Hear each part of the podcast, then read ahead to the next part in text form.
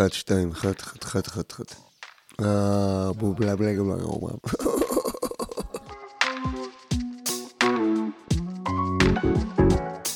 הארגז הזה של הארכיון, עם כל הדפים הצבעוניים, עם ההחלטות וכל זה, היה שם במקלט הזה, ומאז אבדו עקבותיו. הוא לא קיים יותר. אתם מאזינים לתעלומת הרוח, פודקאסט שסוקר את היעלמותה המסתורית של רוח סמר, שנשמרה בארגז ארכיון ועקבותיה אבדו אי שם בשנת 1981. לי קוראים דור קומט, ויחד עם דגן גרינגאוס ועמרי גוטמן הקמנו צוות חקירה העונה לשם זבוב חמאה. בכל אופן, איך בכלל הגענו לחקור את כל האירוע הזה? תקשיבו, יש הצעה לעשות פודקאסט ארכיון, אנחנו צריכים לעשות פיילוט לקיבוץ. יש לכם רעיון? את מי, את מי נראיין? את גיל. כן, איזה גיל? גיל אליסף. יש עוד גיל? מגיעים לבית של גיל אליסף, פותחים מיקרופונים, לוחצים רקורד. אני מוכן לספר לכם את הכרונולוגיה, אבל uh, אני לא בטוח שזה מעניין.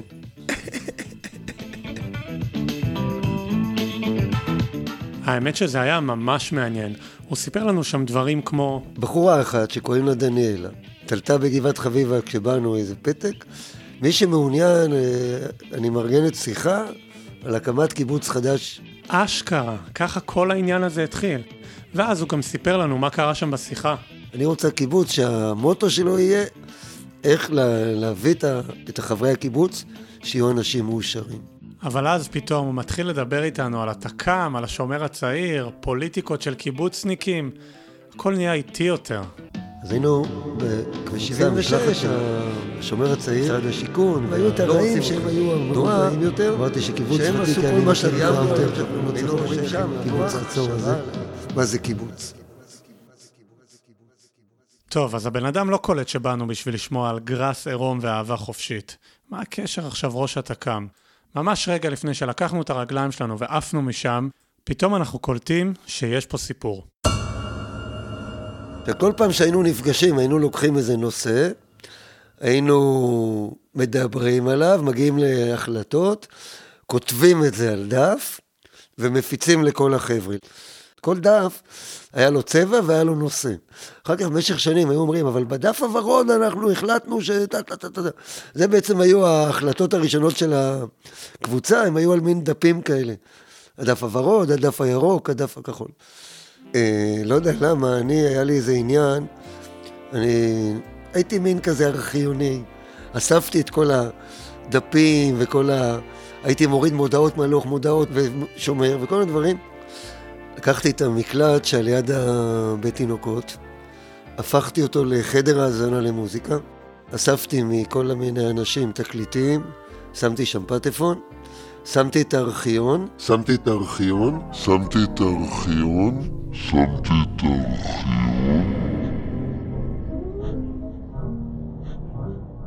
טוב, אני יודע שזה הארוך, אבל זה הנחוץ לבניית הסיפור, ושתבינו מי נגד מי.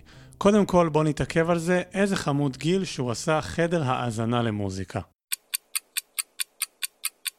סבבה, התעכבנו. עכשיו, בואו ונשמע מה עלה בגורלו של אותו ארגז.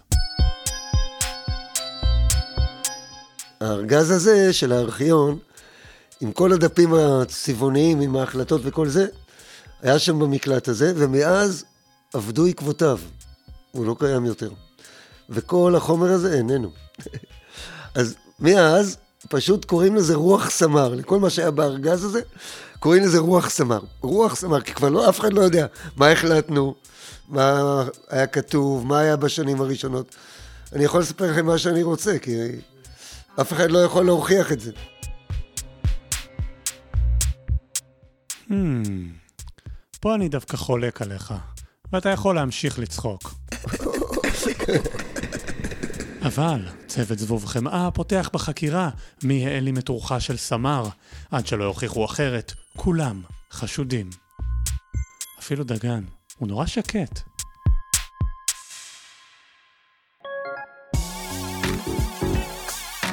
עד כאן הפרק הראשון של תעלומת הרוח, ובפרקים הבאים... אם אתה שואל אותי, זה יגב. אני חושב שזאת פזית, היא אחראית על הארכיון. יש מישהו אחד בקיבוץ שיכול לעשות את זה, וזה טל יסין. אני יש לי אליבי, לא הייתי בתקופה הזאת. הגיע המידע שביקשנו מהמשרד. לא תאמינו מי היה אחראי על המקלט אחרי גיל בשנות ה-80. מי? אני חושב שתאמין, כי אני מניח שיש לו מה להסתיר. אני, יש לי חשד שיניב גולן שם חיפש משהו. ארגז קרטון עם דפים צבעוניים, את שומעת? אל תנתקי את הטלפון. בדוק שזה עופר תמיר. אמרנו, אם האנשים יעשו רק מה שבא להם, ורק מה שמעניין אותם, אז הם יהיו מאושרים, ואז גם הקיבוץ ירוויח מכל הסיפור הזה. רגע, אז מה שאתה אומר לי בעצם שיש מצב שפשוט יתחשק למישהו להעלים את הארגז הזה. הרי כל אחד עושה מה שבא לו, לא?